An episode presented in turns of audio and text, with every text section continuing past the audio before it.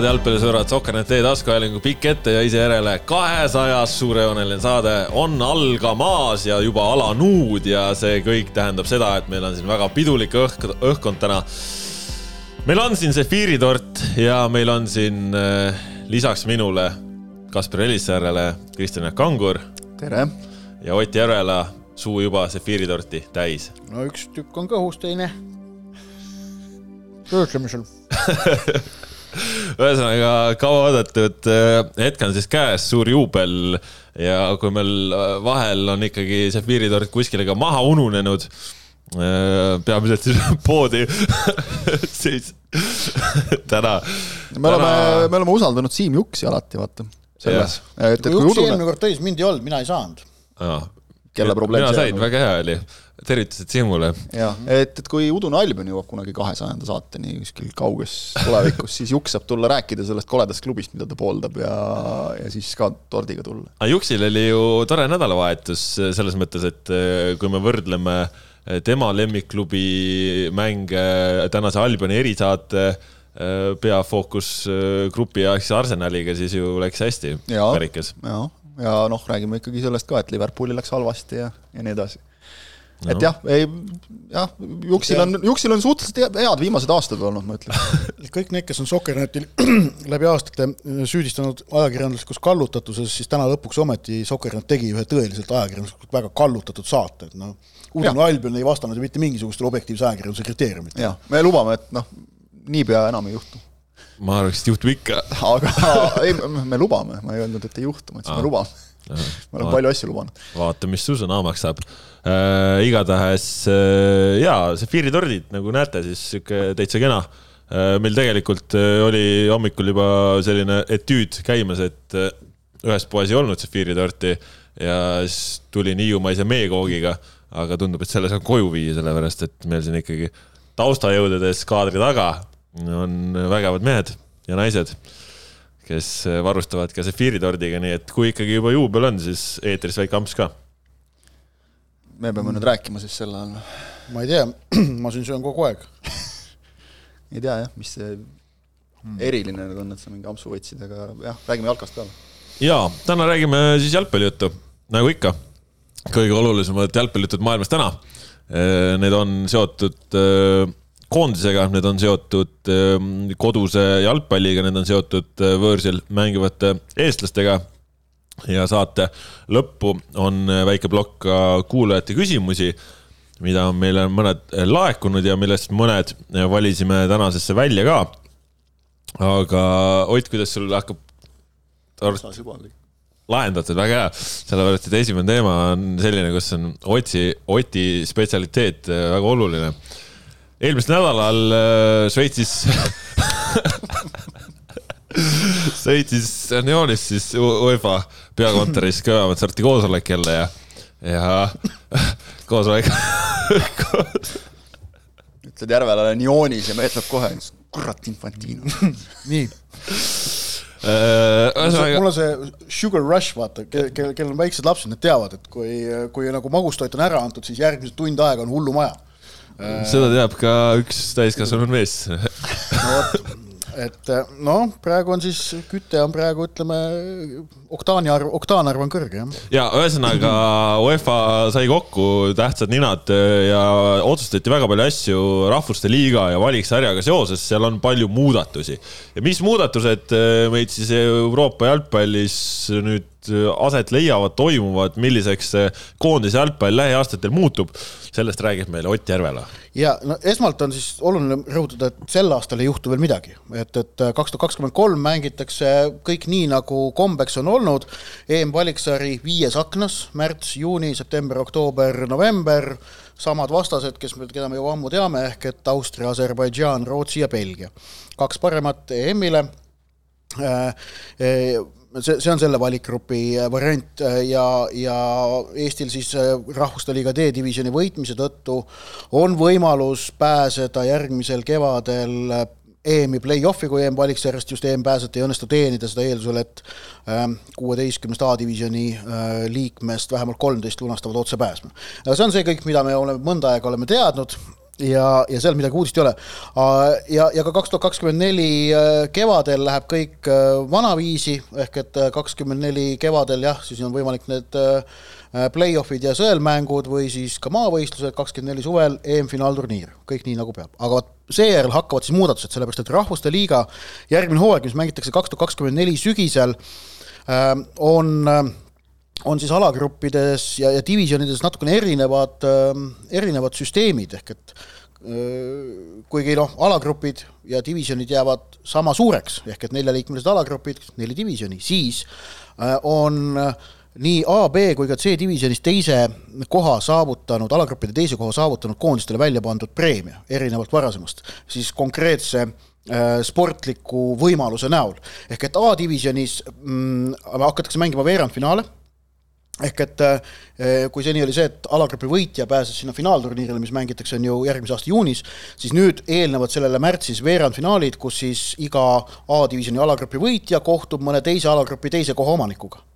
ehk et A-divisjonis kaheksa paremat veerandfinaalidesse ja sealt veerandfinaalide võitjad siis sinna finaalturniirile. ja, ja teine oluline asi on siis üleminekumängud nii A ja B kui ka B ja C divisjoni vahepeal. ehk et, eh, ehk et A-divisjoni alagruppide kolmandad mängivad üleminekumänge B-divisjoni alagruppide teistega, noh, viimased kukuvad otse välja, esimesed tõusevad otse, on ju. ja samamoodi C ja B vahel ka. Äh, noh, C-st allapoole, seal on kõik endiselt samamoodi, ehk et D-divisjoni võitjad tõusevad automaatselt, C-divisjonide viimased omavahel mängivad kokku, kes kaks tükki välja langevad. see oli see, kus Eesti Küprosel kaotas näiteks. aga, aga ennekõike muudab see ülimalt haaravaks ju B-divisjoni, sellepärast et seal on igal konkreetsel kohal selles alagrupis on väga konkreetne tagajärg. B-divisjoni alagrupi võitja tõuseb teine koht mängib üleminekumänge ülespoole, kolmas koht mängib üleminekumänge allapoole ja neljas koht langeb välja. ja, ja noh, C-divisjonis on siis tagajärg eh, nii esimesel, teisel kui ka neljandal kohal. ehk et eh, tagajärjeta on eh, A-divisjoni kolmanda koha omanikud, kes ei tee mitte midagi, ja C-divisjoni kolmanda koha omanikud, kellel ka mitte midagi takkajärjele juhtuma ei hakka Äh, nii et äh, Rahvuste Liiga on muutunud minu meelest seeläbi, see on hea muudatus, mulle see meeldib, sest see annab sinna seda võistlussärtsu ikkagi juurde, et seal on neid sportlikke tagajärgi, on lihtsalt nüüd oluliselt palju rohkem. Kangur, kuidas tundus see jutt? pikk ja sega, segane, ei tegelikult äh, selles mõttes väga loogiline, et mulle nagu vähemalt viimasest nüüd Rahvuste Liigast, noh, kuna need iga aasta ei mängita, eks ole, siis, siis natukene juba varasemad on meelest läinud, et kuidas siis oli, aga, aga tunnetuslikult nagu ütleks, et oli samamoodi. et nüüd siin viimase, viimasel hooajal oli küll nagu aru saada, et, et lõpupoole oli neid niisuguseid mõttetuid nühkimisi nagu suhteliselt palju seal, et, et noh, ükskõik, me võime rääkida seda, et noh, inglased ju näiteks kukkusid, eks ole, A-divisjonist nüüd B-divisjoni aga.... et ühest, ühest küljest võiks nagu noh, olla, noh, on nagu öeldud ka, et noh, suhteliselt savi nagu, et mõtlesid juba MM-ile, eks ole, ega sellest nagu välja ei tehtud ja nagu näha, siis ma ei usu, et seda väga palju praegu nagu mäletatakse, et räägitakse juba sellest, kuidas MM-il läks, eks ju. aga ikkagi on see, et kui sul on nagu midagi mängus reaalselt seal, siis, siis see ikkagi annab juurde. ehk et, et ma arvan, et see on, see on hea muudatus selles suhtes, et, et see, see Rahvuste Liiga probleem on olnud see, et ta on ikkagi äh, selline noh, nagu noh, koondise mängud light nagu nii-öelda MM ja EM valiksarjaga võrreldes ehk et noh, noh selgelt mingeid valikuid nagu tehakse ja saad kuidagi aru, et, et seal ei ole seda nagu täit pinget sees, noh kindlasti viimase Rahvuste Liigaga oli siin ka see, et, et osad mängud ju mängiti veel seal tühjade, pooltühjade tribüünide ees või tühjade ees, eks ole, ja, ja noh, seal ei olnud nagu seda õiget vaibi sees, aga et ma saan aru, et praegu otsitakse seda, et sellele asjale nagu hinge sisse puhuda ja tegelikult nagu aga kas, kas, kas, kas, kas ma, ma ütlen seda, hing on sees küll minu meelest Rahvuste Liigal päris hea. minu, minu, minu, minu tunnet võrreldes sellega, mis enne oli loomulikult jaa, aga mulle tundub, et noh, tahetakse nagu veel seda natukene juurde, et see, see kindlasti aitab. Neid mõttetuid mänge oli oluliselt äh, vähem kui näiteks valiksarjas, et valiksarjas on palju varem see, et sul on asjad on kindlad ja siis on mingisugused suured käärid ja ta-ta-ta, aga nagu Rahvuste Liiga ju selle alus ja põhiväärtus ongi see, et sarnase tasemega võistkonnad mängivad, ehk siis seal nagu ja. ka ütleme, geograafiliselt ja. lähedasemad võistkonnad satuvad tihedamini kokku ja, ja siis on seda teemat on minu arust nagu lõpuni. ja, ja üks oluline nüanss on ka see, et, et nüüd see Rahvuste Liiga äh, nii-öelda hooaeg muutub kestvaks. ta algab sügisel äh,, alagrupi mängud september, oktoober, november, märtsis A-divisjoni veerandfinaalid pluss üleminekumängud nii A, B kui ka B, C vahel ja C-divisjoni väljalangemismängud ja siis juunis finaalturniir A-divisjoni neljale paremale. ehk et ta on nüüd loogiline terviklik, ennem oli ju see, et see finaalturniir juunis tuli pärast seda, kui märtsis oli mängitud äh, kas mingid valikmängud või mingid muud -hmm. asjad juba ära. ehk et äh, oli selline nõnda katkestusseis vahel, nüüd on ta üks loogiline tervik ja ma arvan, see aitab kaasa ka selle võistluse arusaadavusele, aitab kaasa ka sellele, et rohkem inimesi noh, mõtlevad kaasa, kuidas see võistlus välja näeb ja, ja just nimelt, kuna neid tagajärgi on rohkem, siis, äh, siis on, on ka palju enamatel põhjust täpselt endale need süsteemid selgeks teha, sellepärast et et kui see, mis juhtub mingisuguse Bulgaaria või, või Makedoonia või isegi Norra või isegi mingisuguse Islandi koondisega jätab ikkagi suhteliselt külmaks siit vaadates, siis see, mis juhtub su enda koondisega või siis konkreetselt noh, ma, noh näiteks Lätiga, kes, kellega meil ikka armastame ennast võrrelda, siis see läheb ju väga korda ja sa teed endale selle võistlussüsteemi selgeks. ehk et ma arvan, et praegu see muudatus aitab ka kaasa ka sellele, et Rahvuste Liigast kui võistlusest, kui selle võistluse süsteemist üle Euroopa hakatakse oluliselt paremini aru saama. no ja Rahvuste Liigaga on ju ka noh, teemasid olnud, et seda süsteemi kasutada ju ka äh, valiksarjade puhul ka MM-tsükkel ja nii edasi ja need, noh, neid jutte on ju kuluaarides päris palju, et võib-olla selline saabki ühel hetkel siis see koondise jalgpalli tulevik olema. ta on selline hea koht, kus proovida, et kui sa lähed nagu praegu kohe nagu MM või EM valiksarja kallale, siis on kindlasti kisa hästi palju, noh, põhjendatud või mitte, aga, aga fakt on, et siis on kindlasti need, kes kohe nagu hakkavad jaurama, et, et miks me jälle muudame seda ja kõike ja no ütleme, kui selgub, et muudatus ei ole hea, mingil põhjusel, siis rahvuste liigas muuta nagu asju tagasi, mulle tundub, et on palju lihtsam kui äh, seda nagu teha praegu nüüd MM-EM valiksarjas ja noh, seal noh, see ei ole ka ilmselt nii kerge nagu. ma arvan, et ei minda EM, MM valiksarja formaati muutma, sellepärast et et seal ikkagi, selle jaoks oleks vaja mingisugust konsensust ja, ja, ja kindel on see, et väiksemad ja keskmised jalgpalliriigid ei lepiks sellega, kui see igalühel on võimalus, variant MM-EM valiksarjast ära kaob. aga, aga teine muudatus ongi siis, me võime siit Rahvusliiga juurest kohe edasi liikuda EM ja MM valiksarja juurde Äh, antud juhul me räägime siis MM-valiksarjast, mis, mis tuleb järgmisena. ehk et kui Rahvuste Liigaga on kaks tuhat kakskümmend viis äh, juunis finaalturniiriga ühele poole saadud, siis tegelikult need koondised, kes äh, ei olnud osalised kevadistes üleminekumängudes, tõsi, nemad võivad olla juba selleks hetkeks valikmängudega alustanud, MM-valikmängudega. aga MM-valiksarja osas on siis suur põhimõtteline muudatus on see, et kui meil praegu mängiti MM-valiksarja või EM-valiksarja Euroopas üheksas valikgrupis, mis olid kas viie või kuueliikmelised, siis edaspidi mängitakse kaheteistkümnes valikgrupis, mis on kas nelja või viieliikmelised ja iga alagrupi võitjale otsepääse finaalturniirile, äh, teise koha omanikele play-off mingil moel. Äh, kuidas täpselt, sõltub konkreetsest kohtade hulgast, noh, kakskümmend kuus EM-il Euroopal on kuusteist kohta, see finaalturniir suureneb neljakümne kaheksale, ehk et kaksteist tükki otse ja neli tükki mängitakse sõelmängudel välja, võimalik, et seal pannakse veel sellele rahvuste liigale ka mingisugused lisakohad sinna välja. Äh, eks näis, aga aga mida see tähendab? Ja muuhulgas ah,, seal tuleb veel silmas pidada ka seda, et kakskümmend viis sügisest alates, kui see valiksari siis noh, täies hoos on, MM-valiksari, on on sügisel üks koondisaken vähem, ehk et september-oktoober pannakse kokku ja neljamänguline pikk koondisaken, see oli see, millest ma Kataris kirjutasin seal, see, see, see pandi paika seal. Ehm, äh, aga, aga, aga mida see nagu Eesti vaatevinklist tähendab, on ju see, et me mängime, no okei okay,, praegu me mängime jah, viieliikmelist valikgruppi, aga kui seni olen mänginud viie või kuue, siis nüüd nelja või viie. ehk näiteks neljaliikmelises valikgrupis äh, isegi kui sealt Eesti on seal kõige nõrgemas loosipotis, noh, kolmkümmend seitse kuni nelikümmend kaheksa kohtadel on päris arvestatud tõenäosus, et Eesti seal on, Euroopas on ju, siis äh, isegi sealt äh, loosides siis, siis, siis, siis nagu võib tekkida variant, et ühest suurest üllatusest piisab, et lunastada koht kahe parema seas, mis tagab vähemalt play-off koha. sellepärast, et kui sa neljaliikmelises alagrupis kuus mängu see on nagu meistrite liiga alagrupp, on ju. et noh, praegu veel on, varsti enam ei ole. et, et see on, seal iga mängu kaal on väga-väga suur ja, ja see ühe üllatuse mõju äh, on oluliselt suurem, kui ta oleks näiteks kuueliikmelises alagrupis, kus, kus on võimalik seda mõju ikkagi noh, oluliselt äh, teiste kohtumistega pehmendada. nii et äh, nii et äh, see on säärane, et mis, mis, mis nagu jällegi sa ütlesid ka, et valiksarjas on praegu olnud see häda, et noh, neid venivaid mänge on natukene liiga palju ja, ja nii, nii on olnud. ehk et tegelikult valikmängude hulk väheneb, mis tähendab, et ka tühjade või noh, sisutühjade valikmängude hulk võiks väheneda. tõsi, no see ei hakka meid päästma sellest, et vahetevahel satuvad Saksamaa ja San Marino kokku ja tuleb kuusteist null ja, ja mis on, mis on väga okei okay tegelikult, et vahest selliseid mänge on, kuusteist null, kolmteist null vist on olnud. Inglismaa tavaliselt on San Marinoga, et nojah, jah, siis saab rääkida hääletult, nüüd tuleb.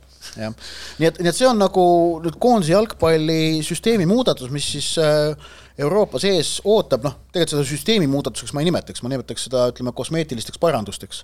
ja ma taaskord leian ennast UEFA-t kiitmast, minu meelest UEFA on teinud mõistlikud otsused jah, ega see noh, see, et sa nagu üritad asja muuta paremaks kuidagi, et sa ei ole kinni mingites asjades, see on nagu pigem hea ja ma ütleks, et see ei ole nagu selline kuidagi nagu loll tõmblemine, et noh, võib-olla tõesti mõnele võib tunduda, et rahvuste liigas igal aastal või igal hooajal midagi muutub, valiksarjades ka, siin on ju enne ka muudetud, eks ole, see, et kui palju gruppe, kui suured grupid, väiksed grupid aga et noh, meil on ju siin olnud ka selliseid, mis nad on, mingid seitsmesed grupid, eks ole, et, et noh, see olid isegi kaheksased. kaheksased isegi, eks ole. olid isegi kaheksased ükskord, jah. ja, ja, Eesti, no, seal... Eesti ei mänginud kaheksast, Eesti mängis seitsmest kõige rohkem. sattusime seitsmesesse. Soome mängis ükskord kaheksast valikgruppi. aga noh, see oli siukse, kestis ja kestis ja kestis see karussell, nagu niisugune tunne, et, et noh, lõpuks nagu jah, eks, eks ta on see häda, et, et ma ütlen, Rahvuste Liiga puhul ma pidasin silmas seda, et mulle ikkagi tundus nagu, võib-olla see tuleb ka sellest, et mis siin salata, jälgisin rohkem A-divisjoni mänge, see ikka kippus nii olema, et sa vaatad nagu tippkoondisi omavahel ja et neil need omavahelised mängud noh, nagu saad nagu aru, et noh, kohati oli selline tunne, et natukene nagu võetakse kuidagi rahulikumalt või katsetatakse mingeid mängijaid, kes võib-olla muidu valiksarjas nagu oma võimalust ei saaks, et treenerid, noh kuskil nad peavad proovima, see on nüüd see, et ei ole maavõistlusi niisama enam väga nagu kuskilt võtta. aga, aga see oli kindlasti jah, valiksarjade probleem, just see, et, et, et tõesti mingil hetkel on sul selge, noh, teinekord oli loosi järel selge, et, et noh, inglased peavad hakkama, ma ei tea, käte peal käies mängima selleks, et nagu sellest grupist välja jääda kuidagi, et see ei ole võimalik lihtsalt. meil ju juhtus, eks ole, Holland oli ju see kõige kuulsam koperdaja, aga noh, nad kaotasid ka ikkagi meeskondadele, kes olid nagu tegijad. et see, et sul tuleb, ma ei tea, kuskilt Luksemburg ja on tõesti ühe üllatustulemuse abil mängus, noh, sellist asja tegelikult ei saanud olla et, et mul, mulle ka tegelikult meeldib see, et, et nad nagu üritavad ja ma ei näe nagu sealt tõmblemist, vaid noh, kõik need kõik see, mida Ott praegu kirjeldas, see on loogiliselt selgitatav, miks see on nii, mida taotletakse, ja, ja samas ka nagu, et kui mingi asi ei tööta või ei toimi, et siis noh, proovime siis teistmoodi või kolmandat moodi just või seitsmendat moodi. just nimelt, see ei ole tõmblemine, vaid see on timmimine. just. ja timmimine on igati okei okay. selge, timmimine on igati okei okay., Ott Järvela on valideerinud selle, nii et timmige terviseks äh, ja läheme edasi tegelikult timmimisega seotud teemadega ehk siis äh, kaks aastat äh, kulus, äh, kuni siis kestis Eesti Jalgpalliliidu distsiplinaarmenetlus Nõmme Kalju osas lähtuvalt siis Fredo Getulio Aurelia tegemistega. noh, mäletame ilmselt kõik seda kahe aasta tagust skandaali ja, ja võib-olla sinna nende detailidesse nüüd ülemäära palju ei ole vaja ka minna, aga. Getulial on ülemaailmne jalgpallis tegutsemise keeld. eluaegne vist. ja tal siin see on vist see vaata nagu niisugune tähtajatu, et noh, see, mis sisuliselt tähendab eluaegset. ja tal siin kohtusüsteemides ka olnud erinevaid otsuseid on siin vaikselt tulnud, aga no ühesõnaga Jalgpalliliit siis menetles ja menetles, et äh, kuidas suhtuda Nõmme Kalju tegemistesse äh, nende asjadega seoses ja, ja reede õhtul siis äh, ikka heal ajal, millal infot väljastada, teatas Jalgpalliliit, et et äh, Nõmme Kalju osas on siis juurdlus lõpule jõudnud, et äh, veenduti kõiges siis selles, mida Kalju on teinud, et äh, asjad oleksid paremad. ja, ja kokkuvõte on siis selline, et jalgpalliliidu distsiplinaarkomisjon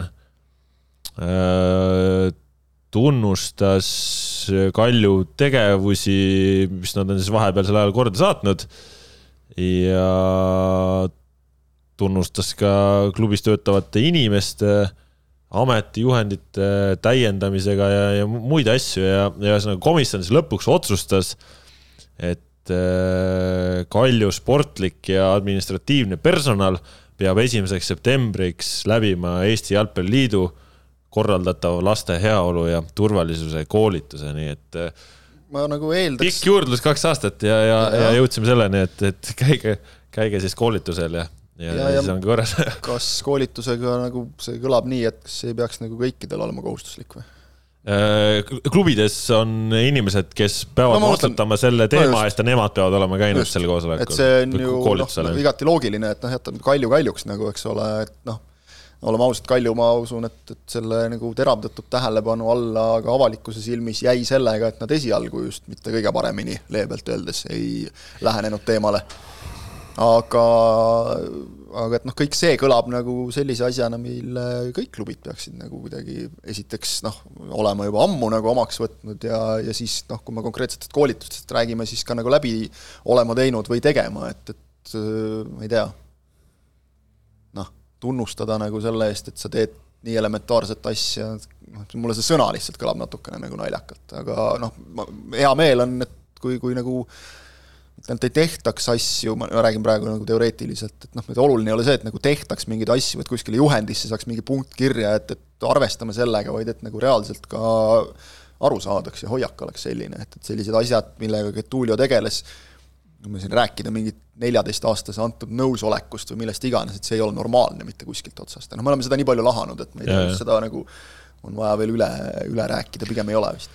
no et äh, see on ikkagi äh, üllatav, et äh, menetlus päädis sedavõrd lihtsa koelise otsusega no just, et menetlus kestis kaks aastat, selle ei no see, see pikkus, see noh, see selleks, et no oleme ausad, eks ta ongi Jalgpalliliidu jaoks väga keeruline asi, mida menetleda, sellepärast et Jalgpalliliit äh, ei ole ju, Jalgpalliliidul pole ju juriidilist õigust äh, nõuda mingeid tõendeid välja. Äh, noh, ta, ta on ikkagi MTÜ ja ta tegutseb teistsuguste reeglite läbi kui õiguskaitseorganid. no ja ütleme ka seda, et nagu eetika teemadel sa ei saa nagu juriidikaga läheneda, eks ole, paratamatult see juba niikuinii. No.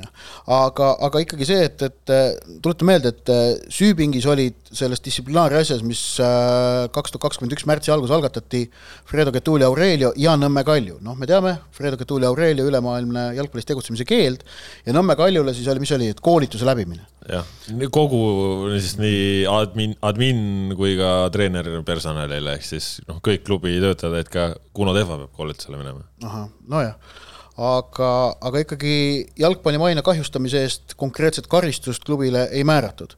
ja, ja siin, kusjuures ma ei pea karistust silmas sellist, mis oleks äh, olnud vajalik äh, Äh, või asjakohane kuidagi, millel oleksid olnud mingid sportlikud tagajärjed, vaid pigem just nimelt äh, üldise signaali saatmine nii jalgpalli sisse kui ka jalgpallist väljapoole, et säärast käitumist jalgpall, Eesti jalgpall ei luba ega aktsepteeri, oleks ju olnud täiesti võimalik säärane karistus määrata, kusjuures noh, näiteks ma ei tea, noh, tingimisi suur rahatrahv, midagi säärast või, või, või ikkagi noh, ma ei tea, hoiatus, avalik hoiatus, aval-, mis iganes, noh, tegelikult see atribuutide gamma, mis oli ju distsiplinaarkomisjoni käsutuses, on puhtalt nende enda välja mõeldud, nad, nad, nad võivad noh, teha sellise otsuse, mis nad tegelikult tahavad.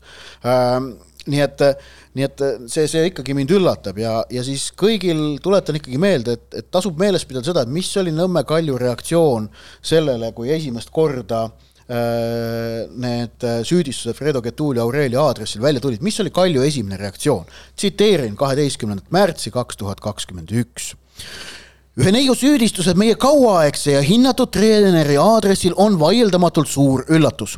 kui see uudis temani jõudis, tuli ta kohe meiega sellest rääkima. ta oli nii šokis ja üllatunud, et ei leidnud isegi sõnu oleme vestelnud kõne all oleva treeneriga, kes on meile kinnitanud, et tal tõepoolest oli lähedane suhe õhtusaates esinenud neiuga, kes soovis toona Flora naiskonna jalgpallurina temalt eratreeninguid ja sealt see suhe algaski. Nad olid suhtes seitse aastat ja suhe põhines vastastikusel mõistmisel ja kokkuleppel ning kestis veel aastaid ka pärast seda, kui neiu oli saanud täisealiseks seega oleme pehmelt öeldes šokeeritud tema kolmteist aastat hiljem esitatud kahtlustustest. saime teada treeneri heast läbisaamisest, võib öelda suhtest, kahtlused tõstatanud naisterahvaga, aga seda perioodis, kui ta oli täisealine. samas ei ole meil seni olnud mingit alust ega ka, ja ka õigust olnud sekkuda ühegi treeneri eraellu. treenerina on ta oma tööd teinud hästi ja selles osas klubil pretensioone ei ole. see oli üks osa sellest avaldusest, mis toona tehti, et palun tasub kõigil meeles pidada, tasub kõigil meeles pidada, see oli Nõmme Kalju reaktsioon.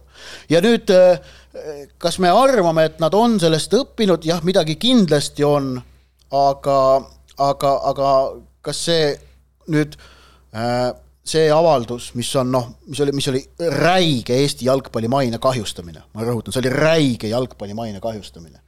Äh, koos nüüd selle otsusega, otsusega on säärane kogu pakett, mille pealt saab rahus edasi minna, sest tegelikult igasuguse distsiplinaarprotsessi, olgu see meil siin jalgpalli sees või ka kriminaalkohtus või, või ükskõik millises juriidilises süsteemis, igasuguse sellise protsessi eesmärk on saavutada mingisugune selline noh, noh, asja, niivõrd palju kui asjaolu võimaldavad meelerahu, et selle pealt saaks kuskile edasi liikuda ja, ja noh, mingi asi selja taha jätta.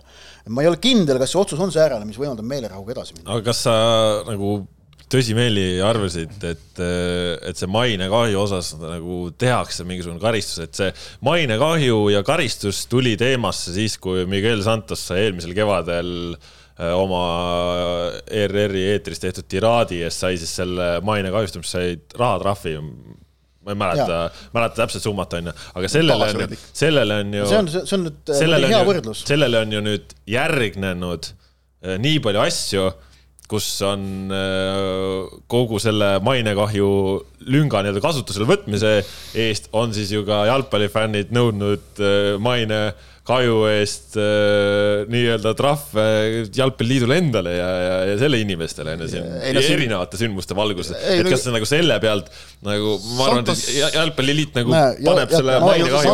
Santos on ju esimene, kes sai. Tammeka sai sada viiskümmend eurot jah, ja Santos sai hoiatuse. Santos on ju esimene, kes sai selle eest, siin Rogitšid ja kõik on ju saanud ka mingite Zahhovaikod ja kõik mingite väljaütlemiste eest, eks ole, just ka nagu. kas nüüd siis jah, mainekahju nagu mainiti, aga minu meelest nagu just oluline ei ole ju see, täpselt nagu Ott ütles, et, et mitte nagu see, et, et sa nüüd, ma ei tea, karistad Kaljut mingite miinuspunktidega või, või sa võid see minna... oleks isegi selgelt ebaõiglane. jah, see, see on nagu sportlik teema, eks ole, see on nagu teine, või paned seal mingi noh, tingimisi trahvi või, aga, aga oluline on nagu see, et tähendab isegi nagu reaalse trahvi, aga et tingimisi midagi oluline on see, mis sõnumi sa välja saadad. oluline on see, et, et need, kes, me siin, siin tuli ju Elvast ja mujalt, eks ole, noh, okei okay,, ärme nüüd nagu võib-olla siin Elvat ka nagu tanki paneme, ma ei tea, kui palju nagu on inimesega seotud, eks ole, aga jällegi noh, ta tegutses seal kaua, eks ole, et me ei tea, kui paljudes klubides niisuguseid asju on, on läinud noh, nii-öelda radari alt. oluline on see, et sa annad sõnumi edasi, et selline asi ei ole mitte kuskilt otsast okei okay,, ükskõik kui palju see kolmeteist-neljateistaastane võib öelda, et ja tema jaoks on okei okay et sellest aru saadaks, kas praegu sellise otsuse pealt jääb selline mulje või, või jääb seesama mulje, mis käis meil siin ühes teises hiljutises noh, nimetame seda ka skandaaliks läbi, eks ole, kus, kus kõlas ka nagu lause, et et noh, umbes, et võib-olla peab siis vaatama, mida avalikult öelda edaspidi. et noh, kas praegu võetakse nagu see, et, et sellised asjad ei ole kuskilt otsast normaalsed ja et seda ei tohi mitte mingil juhul juhtuda või võetakse see umbes, et, et noh, edaspidi tuleb lihtsalt teha esimene avaldus vähe paremini? see on, lõpuks on kogu selles olukorras nüüd noh, mingit sellist ei, ei saa öelda, et kõik mis oleks täpselt olnud see õige lahendus, aga, aga noh, kuna, eriti kuna ta on niivõrd pikalt vindunud protsess, siis, siis lõpuks määrab iga, on ju igaühe ise, isiklik sisetunne, et kas nagu see olukord lahendati asjakohaselt või mitte. ja ma, mina isiklikult arvan, minu sisetunne ütleb, et oleks saanud paremini kindlasti. no jaa, ma, ma lähengi jälle selle sama peale, et mulle tundub, et ega nagu jalgpalliliit nagu praegu ei taha mingit mainekahju trahve või mingeid asju kellelegi teha, sest nad no, ise on nii nagu hambus äh, jalgpalliringkonnas ja Eesti inimeste seas, et no. nagu kui palju on olnud neid asju siin, ma ei tea, viimase ei. aja jooksul, kus jalgpall on nagu negatiivsega pildis, et seda on ju noh ei no see ongi, selles mõttes on selge nagu, et kui sa lähed praegu selle, selle pealt nagu mingit mainekahju nii-öelda trahvi siis, tegema. et siis küsitakse, et kus on see trahv, see trahv, see trahv ja see trahv. olukorras, kus siin rüseletakse, rüseletakse volikogus, eks ole, ja, ja noh, on, tehakse pehmelt öeldes nagu küsitavaid avaldusi selle viimase koondislaste fotoskandaali osas, eks ole, et et, et siis nagu praegune ajastus oleks nagu tõesti no,, ma olen nõus, erakordselt halb, eks ole. see on hea näide sellest, kuidas äh, äh, suuremad või noh, sündmused, mis ei ole kuidas see kõik on üks terviklik süsteem. Ja, ja nüüd äh, tegelikult selle Kalju case'iga täiesti seosetud juhtumid, sellega mitte seosed omavad juhtumid mõjutavad tegelikult selle just, juhtumi osas tehtud just, otsust. ja, ja see on ka üks suur probleem, et, et iga, iga skandaaliga, mis jalgpalli mainet Eestis kahjustab ja tõepoolest, nagu sa ütlesid, neid on olnud siin viimase aasta aja jooksul paraku omajagu, eh, siis sellega väheneb Jalgpalliliidu autoriteet ka spordiala sees ja, ja seeläbi on keerulisem teha õig-, õigeid ja õiglaseid otsuseid teatud olukordades vaat just võib-olla isegi õigeid, noh, kes seda ütleb, mis õige on, aga just õiglaseid, õiglasena mõjuvaid. see praegu ei, ei, ei mõju kahjuks väga nagu õiglasena noh, igatahes äh, teema nüüd purgis, teema maas ja, ja selles mõttes äh, asi nüüd siis selja taga, et see on siis nüüd Eesti jalgpallis loodetavasti mineviku teema, et, äh, et vähemalt aktiivne ta ei ole ja noh, Nõmme Kalju siis ka saab minna rahulikumalt eluga edasi, et on oma karistuse kätte saanud, käivad koolitusel ära ja. ma ütleks, et oma karistuse. ma ütleks, et oma karistuse said nad nagu kätte sellega, et, et see avaldus, mida Ott siin osaliselt kirjeldas, et ma tean inimesi, kes klubile selle järel nagu selja pöörasid. kui te nagu sellist inimest kaitsete, siis, siis meil ei ole nagu ühisosa enam rohkem. Et see, see on see ja Eestis noh, ma arvan, et neid, oleme ausad, Eesti klubidel selliseid nagu padufänne, tõsifänne noh, ikkagi on, on vähe enamikul. ja, ja, ja see mujal maailmas oleks see nagu veel rohkem kõlanud, praegu need olid ikkagi pigem üksikud inimesed, aga, aga see oleks, see oleks veel kõlavam olnud ja, ja põhjusega. no tegelikult kogu laiemalt selle juhtumi tagajärg, ma arvan, me saame mõõta üks asi, mis on jalgpalli sees, ma arvan, et noh, rääkida siis ütleme sellest no, ma, ma, ma tõrgun kasutamas sõna nagu head küljed, aga üks tagajärg on, et ma arvan, jalgpalli sees ikkagi teadlikkus äh, sellest äh, temaatikast on oluliselt tõusnud. ja teine tagajärg, mis leidis aset tegelikult laiemalt Eesti spordiväljal, oli, et äh, tegelikult sarnaseid juhtumeid tuli ju pärast seda Nõmme Kalju case'i välja Veel. ka mujalt ja mitte ainult jalgpallist, vaid ka mujalt ja üleüld-, üleüldse Eesti sportlaste ja sporditegelaste äh, märkamisvõime antud temaatikas paistab olevat ja mitte ainult, äh, mis puudutab siis jah, seksuaalset äh, ärakasutamist, vaid ka muid äh, noh, eetilisi norme, mis spordis peavad paika pidama, et sport valdkonnana oleks, oleks terviklik, oleks, oleks ka vaimselt tervislik ja, ja eluterve. et see teadlikkus on oluliselt tõusnud ja noh, paraku niimoodi ju inimkond on äh, läheb mingi mega filosoofiliseks põhjendamatult, aga, aga noh, inimkond tegelikult niimoodi ju arenebki, et läbi vigade õpitakse.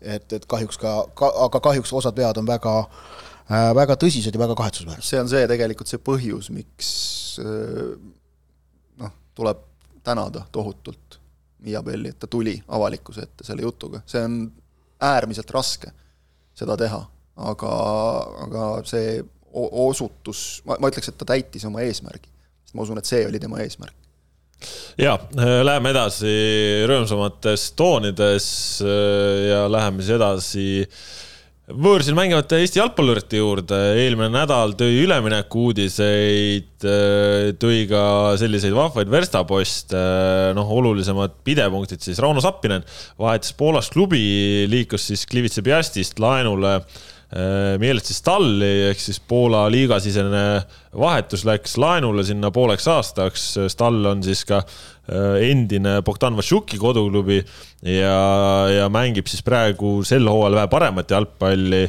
miks Sapinen sinna läks, äh, no esiteks see, et oli vaja siis ka kohta, kus saaks võib-olla suuremat usaldust tunda ja Stall siis teatavasti vabanes oma esiründajast Poola ekstraklaasa selle hooaja suurimast väravakütsist, said äh, Hamulitsist äh, Hollandi ründajast, kes äh, liikus siis kahe poole miljoni eurose üleminekusumma eest Prantsusmaa kõrgliigast Toulouse'i, jäi esiründaja koht vabaks.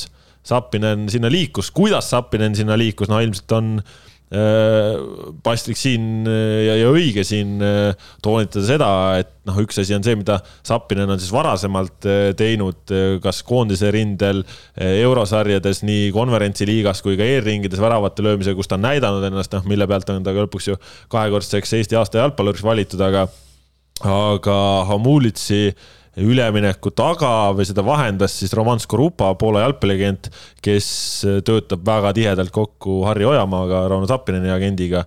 Ja, ja noh, oli siis teada, et on olemas persoon, kes, kes sobiks sellesse rolli, mida Stal soovib täita ja, ja neid täideti. Sapinenil no. nädalavahetusel debüüt kirjas. esimene mäng. üheksakümmend minutit. üheksakümmend minutit ja esimene kui... mäng kohe näitas, kus ta mängis. kui ma, kui ma, kui ees tipus, seal vist tema koht. kas, kas see oli äkki Sapineni esimene üheksakümne minutiline mäng Poola kõrgliigas? Ma ei ole kindel, kas ta Klivitšis mõne sai, kus ta algusest lõpuni üldse ei välistaks, teda võeti mõne seal, sai, teda võeti seal välja palju ja, ja üldse Jah. tal oli väga see hüplik nagu see ja noh, põhiline probleem oli ju, oli ju Klivitšis oli, või Piestis oli see, et, et ta mängis ju seal nii-öelda noh, nagu mitte päris suvaliste kohtade peal, aga minu meelest teda peaaegu kordagi ei, ei, kasutatud. ei olnud Klivitšis ainsatki mängu algusest lõpuni. noh, vot Jah. et juba, juba parem Just. esimese mänguga Ja, no just- et, et teda kasutati seal noh, nii-öelda nagu valedel positsioonidel ja, ja selles mõttes see on ju üsnagi haruldane üleminek, et mängija laenatakse kõrgemale. seda ju tavaliselt me ei näe no sama tase ikkagi, noh no, Ei, no ma mõtlen, see, selle, No, selles mõttes, et no, ega, ega, ega siin see taust tulebki nüüd, et, et see Stall teeb praegu head hooaega suuresti Hamulitsi väravate pealt, onju. aga hooaja eel ju peeti Stalli ikkagi liiga tagumise otsas võistkonnast ja Klivits ja Piast on ikkagi võistkond, kellel on raha olnud ja kes tahab olla suuremas no mängus see on Poola liiga, eks ole, kus sa ei tea kunagi, mis juhtub, aga ei no okei okay,, see selleks, aga, aga noh, ikkagi see, et arvestades Sapineni senist noh, ütleme väravate mõttes nagu olematut statistikat praktiliselt, et saada ikkagi nagu sellisesse meeskonda, kellel praegu läheb hästi. Et see näitab, et järelikult temast treener midagi näeb, teab tema trumpe, et noh, ega siin ainult agendid ka nagu neid kohti välja ei ei, räägi, muidugi, aga see muidugi, on väga huvitav taust, aga Sapineni maine Poolas ise ka on mängumees kõrge. olema, just. Sapineni maine Poolas on kõrge ja Ekstra Klasa on halastamatu keskkond tegelikult mm, -hmm. ikkagi päris selline noh, murdjalik on ju. ja noh, ta sai nüüd praegu seal teise võimaluse. ma arvan, noh, mul on nagu tunne, et ta ise saab ka aru, et, et see on asi, mis igale jalgpallurile ei pruugi osaks saada tõsi, muidugi tema puhul aitab seda, et, et Klivitšile on temaga pikk leping, et, et see tähendab, et, et ka Klivitši jaoks äh, noh, Sappinen on, oli ja on siiani oluline in- investeering, mis tähendab, et, et äh, noh, teda ei lükata niisama kõrvale, vaid temaga tegeletakse. ja nüüd on Stallis teine võimalus ja, ja no loodame muidugi, et, et hakkab hästi minema. noh, samas me, eks ole, nägime Kostja Vassiljevi pealt, kuidas ka Poolas võib juhtuda teinekord. No, juhtus, juhtus Piastid, noh, Piast No on jaa, no, noh, eks- eestlastele mitte sobilik klubi ilmselt., just, aga et noh, lihtsalt see, et, et siin nagu mitte mingeid garantiisid ei ole, aga vähemalt on võimalus ja, ja noh, ma selles võib nagu Happeni puhul kindel olla, et noh, ta nagu, ma, ma usun küll, et ta mõistab seda väga hästi ja et, et noh, ta teeb, mis nagu tema võimuses. et, et selle taha nagu ei tohiks küll midagi jääda, ma arvan. ja see on kihvt, noh, Poola tõi meile veel uudiseid, Karl-Romet Nõmm, Flora esiväravast siirdus siis Poola esiliigasse Sandesia Novitšatši, eks Robert Kirsile meeskonnakaaslaseks. Novitšatš on praegu seal esiliiga lõpus, aga, aga Nõmm sai juba treeningmängus nulli, nulli mängu kirja ja, ja varsti siin läheb liiga edasi ka. andis väga sellise küpse intervjuu, ma ütleks, kolleeg Kris Ilvesele, et äh, saad nagu aru, et kahe jalaga maa peal, teab, mida on vaja teha äh,, proovida välismaal, noh, on paras aeg, et mitte nagu karta, ma olen alati öelnud, Eestisse tagasi jõuab alati tulla, ei ole üldse mingit küsimust, et siin nagu teha nägusid selle peale, et, et, et seal Poola esiliiga viimases ei, noh, seal on sul, seal on sul võimalus, Matvei Igonen on näidanud, et äh, ma ei, noh, Igonen on Nõmmest kindlasti eespool, kui Eesti koondise väravavahte siin ritta panna selgelt, aga mitte nüüd ka nii hirmus palju eespool, ma ütleks. no ma arvan, et ikka et... päris palju eespool no okei okay. Nilonen on ikkagi kindel number kaks koondises. okei okay, Valneri nõus, nõus, aga ma räägin nagu mängu tasemelt, noh, neil nüüd nagu nii mingit tohutut, meeletut vahet ka ei ole, Iganen on kogemused. kogemused nõus, aga neid saabki Nõmm seal omandada praegu. jaa, ei see, see on vahe, sellega ma olen nõus, see on vahe. noh, ja, ja oleme ausad, eks Oskust, et eks, eks. Flora väravahtide osakonda vaadates oli, ega Flora tahtis ka, et Nõmm läheks mm. -hmm. Neil on Grünwald, Lapa, Poplavskis, kolm äh, meistriliigas korraliku kogemusega, noh, kuigi Grünwaldil veel äh, teab, mis suurt kogemust ei ole, aga tal on väga palju potentsiaali äh, ilmselgelt. Hakkama sai hästi, Floral, Floral on väravahtide osakonnas kate väga hea olemas, no muidugi nad ja, ja Nõmme eelmise hooaja pealt oli võimalik tema mängijaõiguste eest ka mingi, mingi raha ilmselt teenida. paistab, et arvad, et Poola esiliiga eelviimase asja maksis praegu Nõmmest mingit vot seda ma ei tea, aga, igatahes noh, paistab, et Novitšatš vähemalt nad ilmselt äkki seda koondise mängu ei vaadanud. ei noh, see, See- Nõmbi ütles, et äh, Harri Ar andsid. Harri Ojamaa võttis talle äh, selle sõnumi või kõne ju enne vist seda mängu, et koondise trenni, trenni puhul oli veel ja mulle meeldis ka see, kuidas ta ise ütles, et, et ta kümnest neli andsite, no see on hästi antud et see nagu näitab ka, et noh, okei okay,, läks aia taha see koondise debüüt, aga noh, see nagu oligi, ütleme, see oli selline nagu koht, kus võis eksida veel, eks ole, et et see, et ta seda ise niimoodi nagu välja ütleb, see kuidagi annab märku, et noh, peas on asjad korras, ma ütlen, Nõmmel on olnud seda karjääri jooksul, et, et ta on olnud, oli tulevikus augus, oli Floras nii, nii-öelda noh, nagu augus eelmise hooaja alguses, eks ole. ja, ja ta, ta on näidanud võimet sealt välja tulla. et et äh, ma ei usu, et see, see Poola teda kuidagi nagu murraks, et, et ei no loodetavasti saab mängima ja, ja, ja no kihvt oleks küll, et äh, Nõmm hoiab tagapuuri puhtana ja Kirss sees lööb, et äh, lihtne. oleks, oleks tore. no aga debüütidest rääkides, Karol Mets tegi no vist võib öelda, et lausa suurepärase debüüdi teises Bundesligas St Pauliga üks-null võitsid Nürnbergi, see oli siis äh, St Pauli esimene võõrsilvõit, äh, kui nüüd andmed paika peavad ja, ja see tegi kohe ka tabelis elu palju ilusamaks. St Pauli kümnendale kohale juba, juba tõusis, aga noh, kohe kohe see tabeli lõpust ära ja noh. viimasest kohast on nad ikkagi endiselt ainult kolme punkti seda küll, aga, aga see ongi, et, et kui, kui noh, et kui me enne rääkisime, noh, sai rääkida St. Paulit nagu esiliiga seal lõpuvõistlust, nüüd me võime rääkida keskmik. ja, ja, ja, ja ei noh, mm, super lärk ikka, teine Bundesliga, et, et ja mängida. Ja, ja no see on kõva värk. Ja endiselt äge on, ma, ma siin korra juba saates kiitsin, et noh, et äh, Viaplay'd äh, selles mõttes on antud olukorras asjakohane kiita, et metsamänge saab sealt vaadata. ja, ja otsepildis ja korraliku kvaliteediga, et teine Bundesliga täismahus ju ka nähtav, et et sellises jalgpallikeskkonnas näha Eesti jalgpallurit mängimas, see on äge. vaadake neid, vaadake kas või neid, need on meil ka portaalis uudises tipphetki et okei okay,, see oli nüüd Nürnbergi kodumäng, St Pauli mängud on ju, mis neil on, staadion on mingi kakskümmend viis tuhat umbes või midagi sellist ja suhteliselt kogu aeg välja müüdud. no kogu aeg välja müüdud, jah. et, äh, et, et noh, see, see on ju see, mille pärast ka ikkagi tegelikult jalgpalli mängitakse. sel pühapäeval Hannoveriga kell neliteist kolmkümmend. noh, vaadake. Et aga see, see Nürnbergi noh, juba see, see kolmkümmend tuhat tegi. noh, just et see, see Nürnbergi mäng, eks ole, seal, seal ka juba, kuigi seal oli veel minu meelest ka vist jooksurajaga staadion, eks ole, et fännid fännid kaugemal igatahes. aga see möll, mis noh, kes on vähegi nagu Saksamaa jalkat vaadanud kas või telekast, koha peal on see veel kümme korda ägedam et seal osatakse nagu kaasa ka elada. see, see on ikkagi, see, on, Saksamaa jalgpall on selles mõttes Euroopa tippliigadest ja see ulatub esiliigasse välja nagu ikka üle prahi täiesti. no ja, ja siin on võib-olla ka nagu see tegelikult nagu ikkagi oluline point märkida, et kuigi noh, mõned inimesed võib-olla ikkagi natukene mõtlevad, et, et sa lähed äh, Šveitsi nagu meisterklubist, Zürichist, lähed Saksamaa esiliigas St Paulisse, siis St Pauli äh, klubi ja brändina on suurem kui Zürich ja, ja, ja, no St Pauli muidugi on er-, erandlik näide isegi nagu natukene no, teise Bundesliga kontekstis, aga jaa, just see, et, et noh, kui sul selline klubi nagu tuleb pakkuma, kus sa saad ka kõike seda kogeda, metsal noh, ka eks ole, karjääri no, see on ikkagi nagu väga üleminek. küpses eas, et, et sa pead nagu mõtlema ka, et, et noh, sul selliseid pakkumisi nagu on väga palju, ei pruugi tulla, et kui sulle see tuleb, noh, lähed sinna, võib-olla jõuad veel sealt Bundesligasse mingil hetkel, välistada ju ei saa, eks ole, nii nagu Ragnar Klavani karjäär koosneb tegelikult nagu tohutust osast suurest tööst, aga ka väga õnnelikest kokkusattumustest, et õige treener õigel hetkel õiget mängu vaatamas nii-öelda, eks ole, ja õige koht meeskonnas vaba ja nii edasi. et sa, pead need vastu võtma ja selles mõttes on Metsa üle nagu tohutult hea meel, et, et noh, esiteks ta on nagu ma arvan ka oma nagu töötahte ja kõigega nagu väärib seda, et talle selliseid võimalusi tuleb. ja, ja no lihtsalt hea meel on teda näha nagu tagasi Euroopas sellel tasemel, kus ta nagu võiks mängida mm, -hmm. et mhm. natuke noh, tegi selle põike ära, sai aru, et vara veel, jõuab käia seal no ega tal vist ka, eks ole. Toomas Häberli oli vist ka üpris ühe, ühemõtteliselt öelnud ka, et aitäh, et ütles sel juhul. aitäh, et ütles, kui veel, veel vara Karol. et vara veel, eks ole, et võib-olla sa ei saa enam selle taseme pealt võib-olla nagu koondises sellist rolli, eks, et, et noh, jumal tänatud, et ütles sellisel juhul.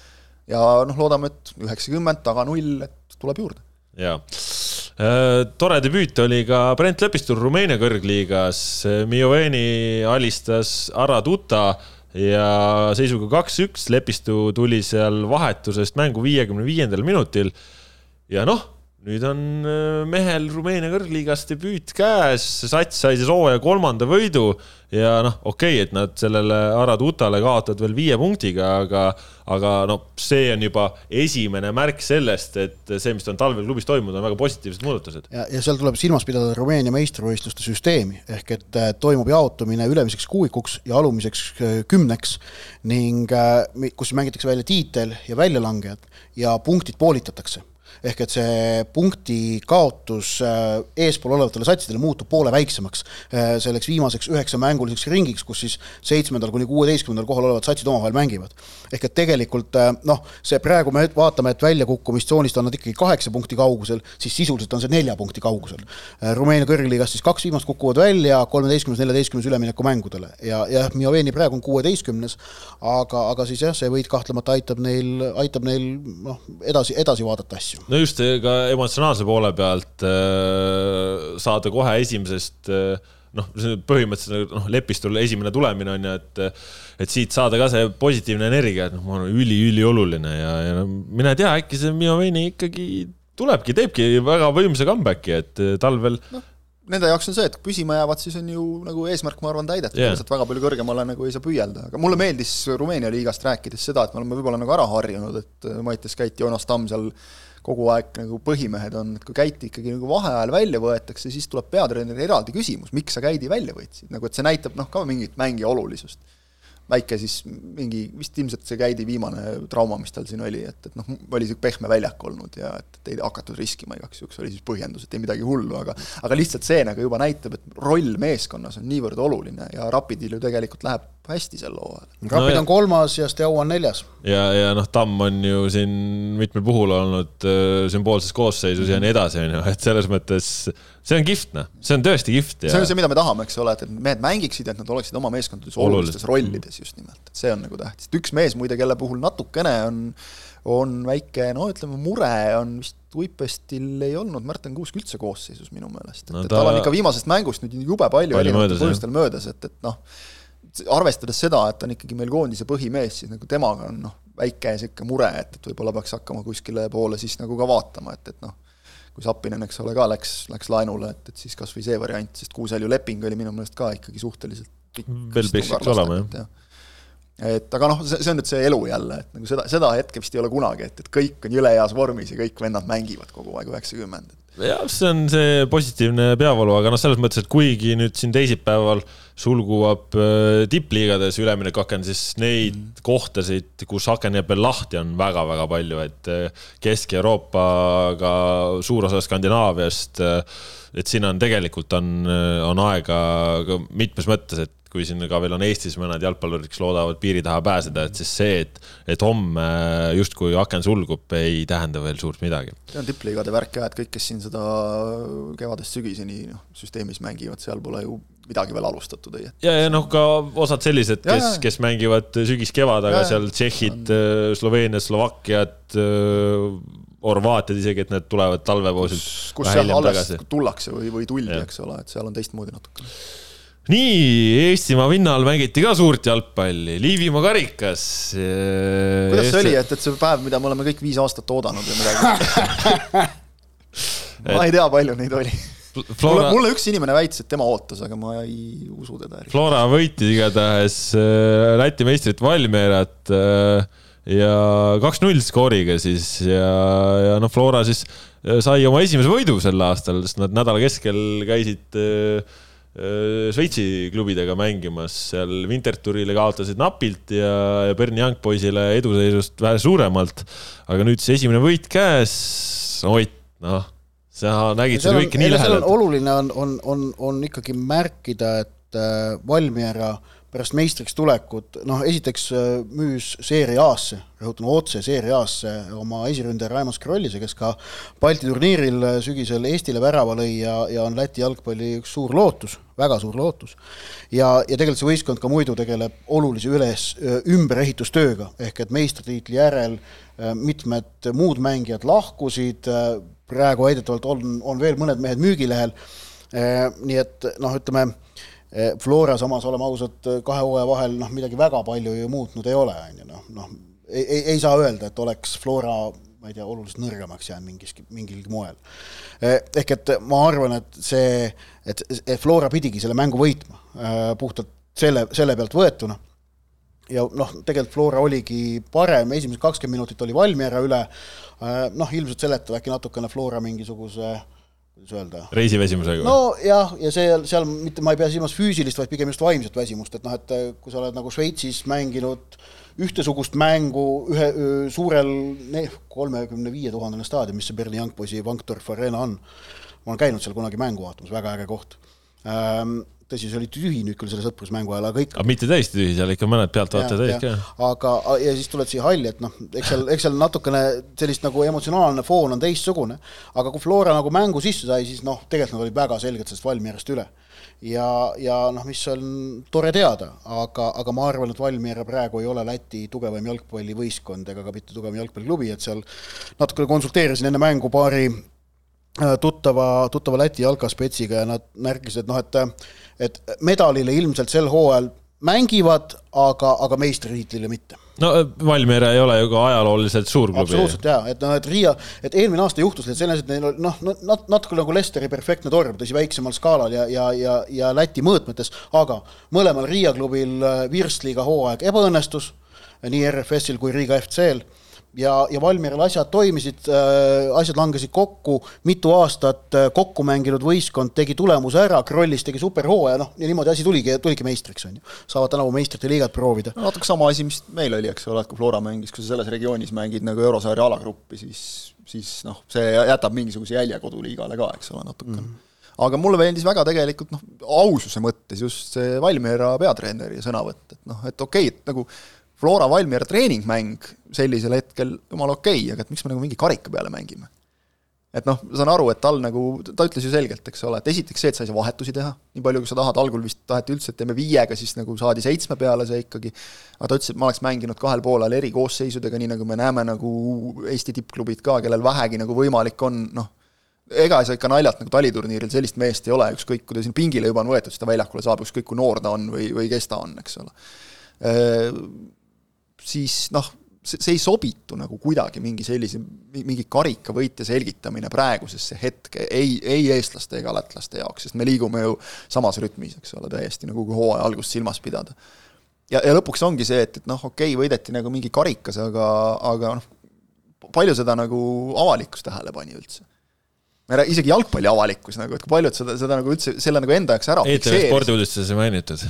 noh no seal, seal ei mainita teinekord muid asju ka. ja ei peagi mainida. ja kusjuures sellist asja ei peagi mainida. ETV spordisaade erinevalt paljudest Eesti spordis, kes arvavad, et see peaks olema nagu Põhja-Korea televisioon, kus tuleb äh, vapper uudisteankur ja siis tulistab järjest niivõrd palju infot, kui vähegi võimalik on. ei, see ei ole televisioon. ei, see, see oligi siis tähelepanek, et noh aga see, maks... see on, see on etteheide, see on etteheide. vastan sulle retoorilise lausega, aga maksumaksja raha ei ei, ei saa, ei, ei, ei, rahu, rahu. aga, aga jah, noh, sest ongi see, et no, no meie portaal noh, tegelikult nagu pidigi seda nagu kajastama, sest see oli sündmus Eesti jalgpallis ja, ja kõik ei saa nagu eeldada, et see kuskile nagu mujale oleks pidanud üldse jõudma tegelikult ja sellest no, on tegelikult nagu kahju, et kui sa nagu ükskõik millise karika välja mängid, kui see taandub nagu mingiks selliseks noh, mõttetuseks, siis see on ju nukker. siin oligi, nagu siin oligi just see, vaata, et tead, sa ütlesid praegu sõna, kasutasid sõna sündmus, et ma vaidlen vastu, me ei saa seda sündmuseks nimetada. okei okay,, nõus.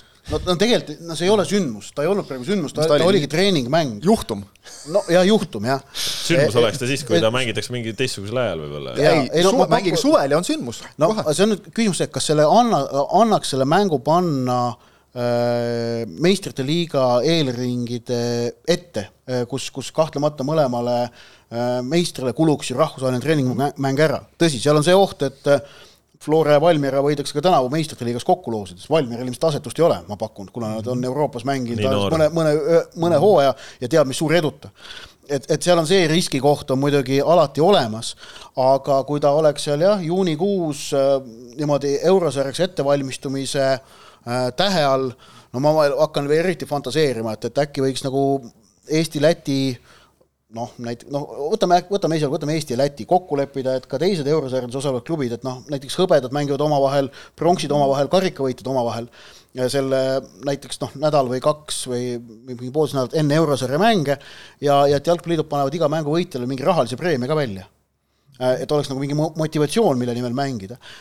äkki oleks see võimalik, kuidas nagu eurosarjaks natukene valmistuda, tõsi, noh, seal alati on see küsimus, et kas, kas, kas seda mängu soovitakse kasutada äh, täie mm, noh, et, et kuna eurosarjas kõik, paratamatult kõik preemiad ja auhinnad ja kuulsus on niivõrd palju suurem, et siis ikkagi ei pruugita võtta seda täie tõsidusega, seal on alati see oht on olemas ja tegelikult on see asi, mis, mis on alati käsi, puudutanud ka Balti turniiri, et, et noh, et ta, ta ei ole ikkagi mitte mingilgi moel võrreldav valiksarjadega. no see on paratamatus nagu, eks ole, aga praegu oleks näiteks nagu lastud teha maksimaalselt vahetusi, siis oleks tõenäoliselt mänginud, arvestades praegu seda Valmiera koosseisu, oleks tõenäoliselt mänginud nad teise poolaja noh, noortega, eks ole, või, või ütleme, ma ei tea, mingite testimisel olevate mängijatega, noh, siis nagu karikale et noh, noh, mis see point nagu on sellel asjal, eks ole, Flora oleks, ma, ma eeldan, võib-olla siis ka lükanud näiteks seal oma noored poisid peale, kes on siin praegu nagu ikka saanud hooaja eel aega, et, et noh, see, see ongi see, siis mängime nagu mingi karika välja niimoodi, et noh, see tegelikult, seal ei ole ju mõtet niisugusel asjal. Gita Mihhailov lülitus päris hästi, ma ühe sellise mängulise tähelepaneku endale luban, et see oli päris äh,,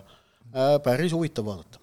mina luban endale teise niisuguse, noh, ma ei tea, kui mängulise tähelepaneku nüüd, aga selle, et et äh, Ken Kallaste kirglikkus on alati vaatamist väärt. see, tema reaktsioon sellele olukorrale, kust vastane sai punase kaardi, et ma tõesti loodan, et nagu vigastus ei ole tõsine, et noh, tegelikult ei ole nagu naljaasi selles suhtes, et talle vist ikkagi tuldi seal korkidega põlve, eks ole. no põlv oli päris verine, jah. jah, et, et aga see reaktsioon lihtsalt, et tule siia, ma söön su ära, see, see lätlase suunas, see oli niisugune noh, seda on äge vaadata nagu, et isegi, me võime rääkida. mehel oli valus, aga ajas ennast ühe jala peal hüpates püsti, et kuule, et ära, ära nüüd mängi lolli, et sa mind ei puutunud, vaata mu jalga, on ju.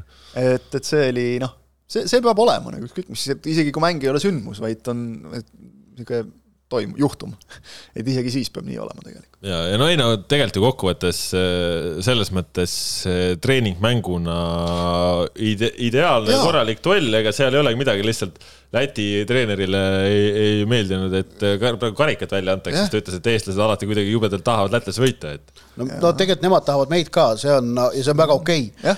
teine variant mängida seda sel ajal, kui me praegu mängime superkarikat, aga noh, seal on seda, vaata, et siis meistri koormus läheb niivõrd suureks et noh, et, et siis peaks meister mängima nii Eesti superkarikat kui seda ja noh, seal paratamatult me tahame ka, et Eesti superkarikal oleks noh, väärtus, väärtus taga ja, ja sii-, viimasel ajal on, on pigem olnud, et, et mm, -hmm. et see on nagu hea olnud. see ka, et muuseas superkarikas Paidesse viiakse, minu meelest väga hea lüke, kiidan igati heaks, väga tore no loodetavasti ilm soodust. see on nagu ainukene küsimärk. aga mis seal vahe on, kas mängime no Sportlandil vaja, Sportlandil vaja, sport, vajadus, sport... vajadusel saad kütte alt sisse panna. nojah, see vahe on, aga see vahe on päris märkimisväärne vahe, ma arvan, mine küsi mängijate käest, see on päris märkimisväärne vahe, et noh, see on, aga teisest küljest see, Sportland, miks... palju seal Sportlandil viimastel aastatel seda kütet sisse on pandud, me teame, mis no, energia maksab. mõned korrad on pandud. äkki, äkki finaaliks ikka pandaks et aga no see, see iseenesest, sellega ma olen nõus, et superkarikat viia mööda riiki, igal võimalusel, kui superkarikas oli Narvas kaks tuhat kakskümmend äkki. kakskümmend äkki võitsid kakskümmend mängiti Narvas ju. ja kas need kakskümmend üks? üheksateist võitis Narva. üheksateist võitsid või? okei okay,, no siis mängiti kakskümmend. minu meelest oli kakskümmend Narvas, sest et Narva võitis enne koroonahooaega ju äh, karika mm, -hmm. ei olnud koroona enam.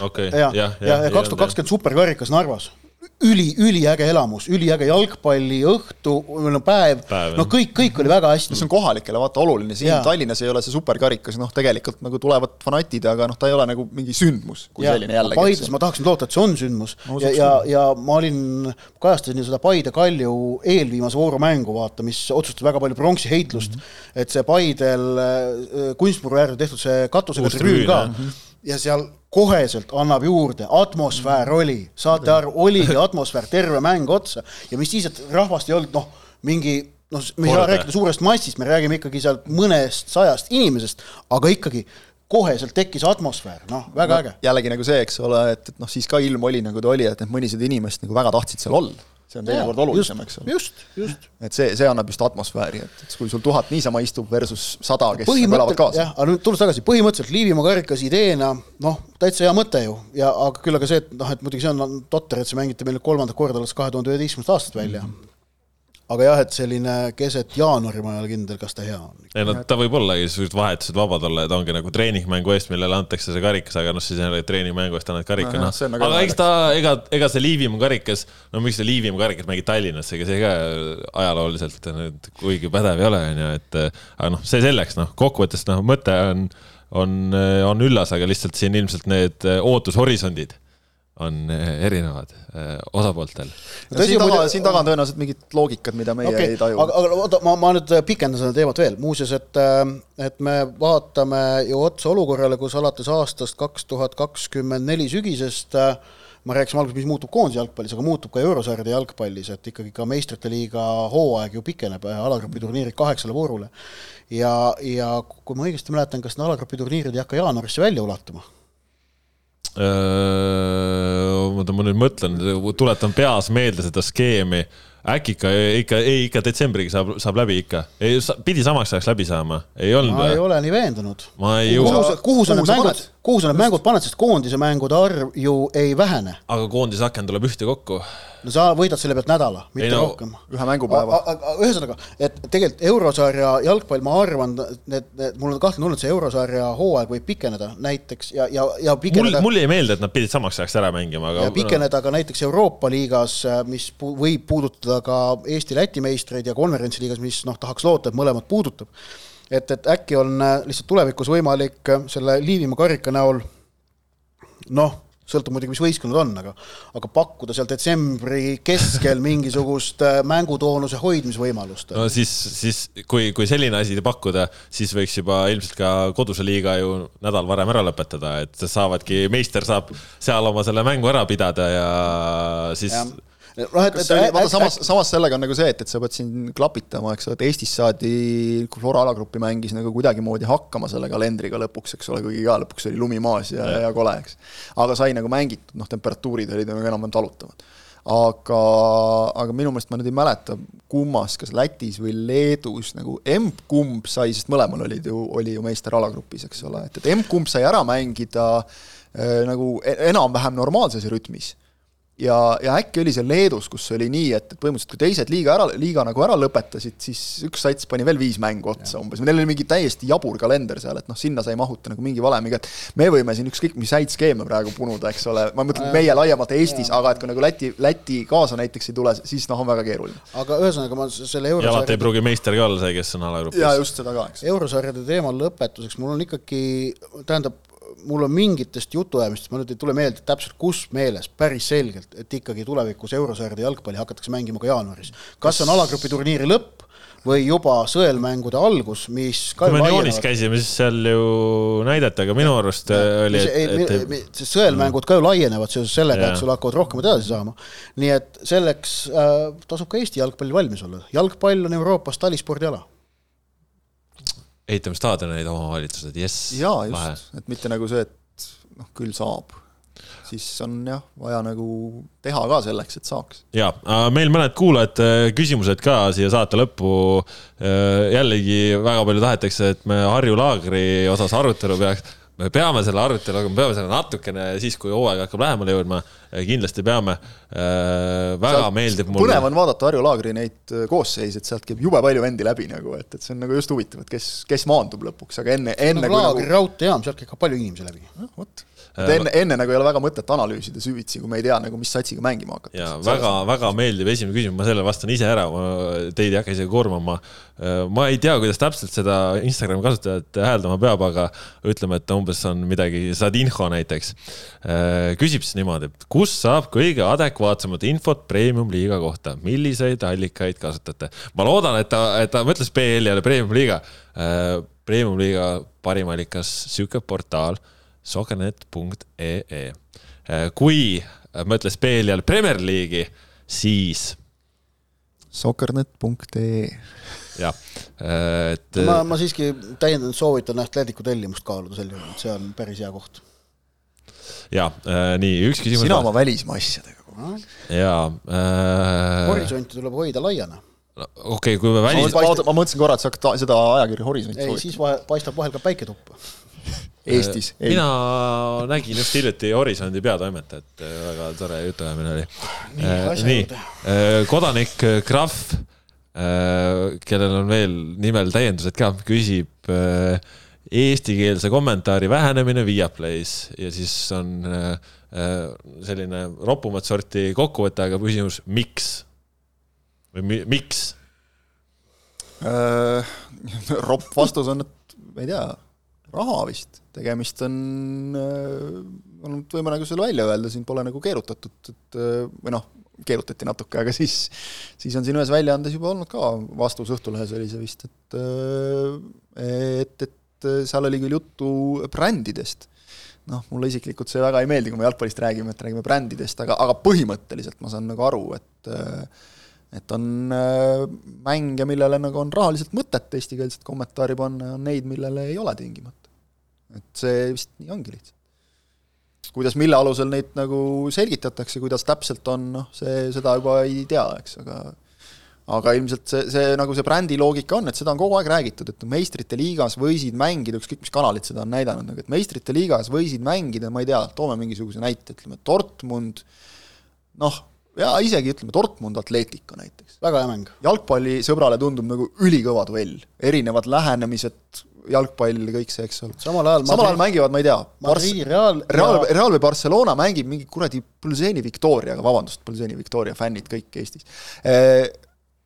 keskmine vaataja vaatab seda, sest Barcelona ja seal ta teab, kes seal on, või ütleme, Real on veel parem näide, Barcelonas on praegu mingid noored mehed, neid ei tunne, või BSG mängib mingisuguse satsiga, kellel on, jah, kellele nad lükkavad viis-null, Salzburg on veel võib-olla liiga hea natukene. okay..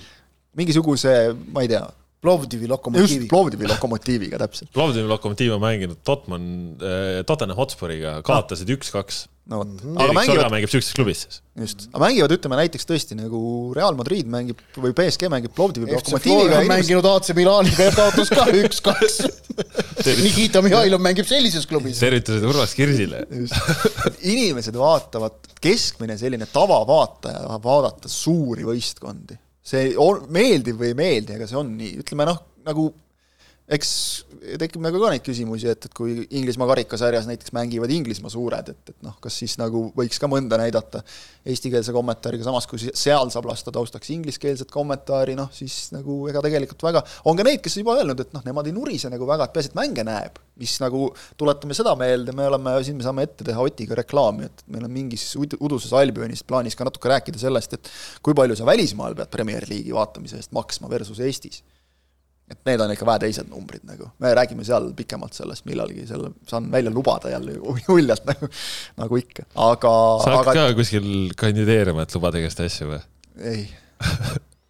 Ma olen see, et äh, räägin palju, aga teen vähe. See on minu slogan. Äh,. aga see selleks, ühesõnaga, et noh, tegelikult nagu väga hästi lihtne on see, et seal on äriloogika on selle taga tõenäoliselt, meeldib või mitte, aga, aga noh, kahjuks on ka see, et, et me oleme siin arvestades Eesti väikest turgu, me oleme ikka täielik perifeeria. ja noh, ei saa, ei saa väga palju loota ja seda on olnud ka varasemates kanalites, et ei saa nagu väga palju loota, et, et siin kuskil Euroopas nagu Eesti, Eesti turuga väga palju arvestatakse, sest turgu on vähe lihtsalt. pluss, ärme räägime Eesti turust, vaid meid nähakse nagu Baltikumi tervikuna. ja näiteks Lätis ja Leedus jalgpalli vaatamine, Premier League'i vaatamine ei ole üldse sellisel tasemel nagu meil ja, ja siin tuleb siis lihtsalt üks asi, mis on nüüd kõige selle valguses tuleb meeles pidada, et äh, eks näis, mis saab kaks tuhat kakskümmend neli EM-finaalturniiriga mm, -hmm. sellepärast et ETV poolt ette pandud latt on väga kõrge Eesti tingimustes mm, -hmm. tõesti jah, äh, nii, võtame veel küsimusi, päris mitu küsimust on äh, Varri kohta, mis on saabunud Eestisse. Äh, noh, eks üldise jutt on siis lihtsalt võib-olla see, et, et me vist tervitame seda ja, ja nädalavahetusel on siin nüüd taliturniiril kõvasti katsetatud seda, aga võtame ühe konkreetsema küsimuse, mille on meilt küsinud äh, üks premium-liiga jalgpallur, äh, kes on äärekaitsja ja kes reageerib nimele äh, Maik. Neid on vähemalt kaks tükki Äh, ise siis valite, äh, kumb ta võis meid küsida, aga küsib, äh, mis me arvame, kuidas Varr mõjutab premium-liiga mängude tempot? Ja ma arvan, et esimene vastus on selge, et alguses saab kindlasti olema seisakuid, seisakud ei saa ilmselt olema kõige lühemad ja mängud selle arvelt lähevad natuke pikemaks. mängud lähevad pikemaks küll, aga lõppkokkuvõttes palju ta mõjutab, sõltub sellest, kuidas häälestatakse Eestis sekkumise nivoo sest lõpuks sekkub, sõltub ju kõik sellest, et äh, sõltub ju kohtunikest mitte nagu mingit tehnoloogiast, kohtunikest pa,. palju kohtunikke üle hakkab vaatama, see mm, -hmm. see on tegelikult see, mis põhjustab pikka viivitust mm. -hmm. see, kui vaatab üle äh, varri ruum mm, -hmm. äh, see enamasti tegelikult pikka viivitust ei, ei, ei tekita. aga, enamasti... aga võib tekitada olukordades näiteks, kus äh, on nurgalöögi olukord äh,, ütleme, et äh, pall läheb väravast mööda ja siis olukorras, kus vastasmeeskond on väga sinu karistusala lähestel, sa tahaksid kiiresti lahti mängida, et proovida, noh, ma ei ütle, et päris kontrat, aga, aga kontralaadset toodet. Ja siis sel hetkel on kohtunik. Et äh, see, see on võib-olla see kõige suurem koht just, kus, kus nagu on, on see mõju märgatav.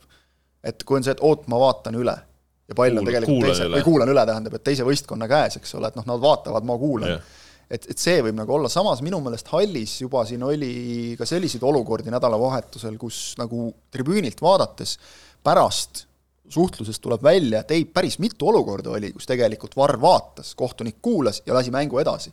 aga selle, seal oli, kas oli keegi pikali maas, kas oli punasevääriline viga näiteks, kõik see, et sa ei märkagi seda tegelikult üldse.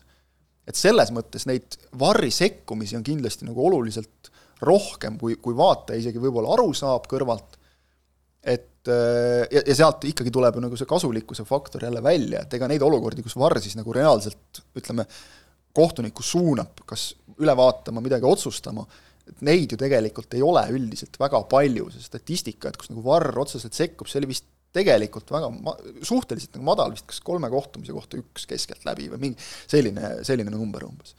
Aga ma no, toon nagu Varri kasulikkusest näiteks lihtsalt sellise näite, et eile Pariis Saint-Germaini ja, ja Raimsi mängus äh, selline olukord, kus Raimsi ründajale antakse läbi sööt, kaitse kukutab ta karistusalas, peaks justkui olema penalti. Varr kõigepealt fikseerib selle, et penaltit ei ole, sest ründaja oli suluseisus, ja siis fikseerib selle, et äh, äärelt sööduandjale sõideti jalga hetk hiljem. Kohtunik andis esialgu kollase selle eest, Varr ütles, tule vaata üle, kohtunik vaatas üle, korgid ees, punase olukord. ehk et äh, hea näide sellest, kuidas ühe, ühe-kahe sekundi sisse mahtus väga mitu erinevat otsust, mis oli vaja teha. aga tegelikult see ei võtnud väga kaua aega ja lõppude lõpuks jõutakse nagu õige otsuseni. et isegi, kui see, seda aega nagu natuke rohkem võib-olla kulub ja mängijatel on niisugune tunne, et jälle me ootame, siis kui tulemus on õige otsus, siis ei saa see ju halb olla mis äh, aitab kaasa võib-olla sellele, et tempot ühel hetkel ka kiiremaks saada, on näiteks see asi, et idee poolest Varr peaks ju likvideerima simuleerimise näitlemise, kõik selle, sest noh, sul pole mõtet lolli mängida, kui video pealt on näha, et sa mängid lolli. siis see võiks ära kaduda. ja ma ütleks, et selles osas on asi palju paremaks. ja, ja, ja teine asi on kinnihoidmine karistusalas on ju, ja üldse, üldse sellised asjad, ehk siis äh, mäng võiks muutuda puhtamaks ja seeläbi ju siis lõpuks ka tegelikult tempo kasvada ideaalis, ideaalis. see on see, mida minu meelest me oleme päris mitmes saates ka rääkinud, kui sa vaatad maailma tippjalgpalli, siis noh, Varri mõju tegelikult viimase nüüd kolme-nelja aastaga nii äh, Premier League'is, aga, aga ka mujal maailma tipus on see, et igasugust nõmetsemist, vägivallatsemist, selja taga mingeid lollusi on jäänud tippjalgpallis tohutult palju vähemaks mm. -hmm praegu natukene ma näen, vähemalt Premier League'i näitel, kuna Premier League on selle sekkumise nivoo viinud tarbetult kõrgele, siis karistusalast sigatsemist on jällegi, ma mõtlen nurgalöökide ajal, on, on, on tulnud natukene liiga palju jälle juurde, seal äh, lastakse liiga palju läbi sõrmede minna, oleks vaja rohkem penalteid määrata, lihtsalt nüüd just nimelt kinnihoidmisest äh, standardolukord. no Premier League ei ole hea võrdlus, sest et see jälle, see taandub jälle sellele, et mis tasemel su kohtunikud on. Ja, ja ärme seda unustame, et Eestis on ju selles mõttes nagu see var light, nagu nad ise vist on ka öelnud, eks ole, et et, et kui ma õigesti mäletan, suluseisude puhul ei hakata nagu nii No, jooni ei tõmmata. peeneks, aga vaat see joonte tõmbamine, see on just, näiteks inglased on sellega nagu olnud, nii et mäng seisab ja seisab ja keegi muudkui tõmbab neid jooni. kuna joonte tõmbamist ei ole, siis selles mõttes ongi, et noh, siis kui kaamerast sa näed, et sulva selgelt, selgelt on, siis, siis tuleb see lappi, aga. ma usun, et see ka muudab kohe kiiremaks, nagu et vaatad peale, ah selgelt ei tundu olevat, okei okay,, jääb kohtuniku otsus yeah.. et, et see, ma arvan, et see on, on nagu üks asi, mis, mis nagu noh, meil ära langeb, et see, see on hea pigem nagu. no vot siis tõmbame tänaseks äh, oma juubelisaatel jutud kokku. nagu näete, see fiiritort vajab veel söömist. Äh, räägi enda eest millised on jutud uuel nädalal, seda kuulete ja näete juba siis, nagu ikka, on võimalik meid igast kanalist jälgida, kus te meid vähegi soovite. tänase piduliku kahesajanda saate tõid teieni Kaspar Elisser, Kristjan Kangur, Ott Järvela, pikka iga siis pikk ette ise järele sööge teiegi kuulamise, vaatamise kõrvale midagi maitsvat, sellepärast et siis on ka teie õhtu, hommik või lõuna kahtlemata ilusam. aitäh, et olite, olge veel ja jälle, adjöö